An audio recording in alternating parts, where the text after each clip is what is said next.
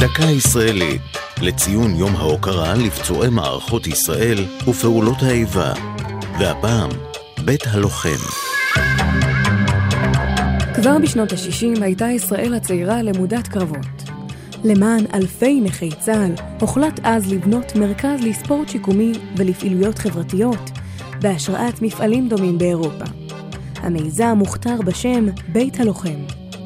ב-1966, עם הצגת התוכניות לבניית הבית הראשון בתל אביב, הובילה אשת ראש הממשלה דאז, מרים אשכול, מבצע לגיוס תרומות.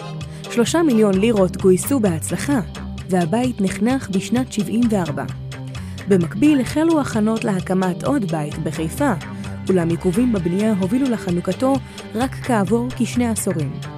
בתים נוספים פועלים כיום בירושלים ובבאר שבע, ועוד בית מוקם באשדוד. תמורת דמי חברות סמליים יכולים חברי ארגון נכי צה"ל ובני משפחותיהם להשתתף בפעילויות ספורטיביות למיניהן. בריכות שחייה, חדרי כושר ואפילו מתקני כליאה למטרה. בהיותם מרכזי ספורט שיקום, הם מציעים גם טיפולי פיזיותרפיה, וכן מפגשים של קבוצת אחיעד לנפגעי הלם קרב. בית הלוחם הוא ביתן של קבוצות כדורסל, כליאה למטרה, טניס שולחן, שייט נפרסיות, שחייה ועוד של ספורטאים נכי צה"ל, המייצגים את ישראל בתחרויות בינלאומיות, בראשן המשחקים הפראלימפיים. זו הייתה דקה ישראלית לציון יום ההוקרה לפצועי מערכות ישראל ופעולות האיבה.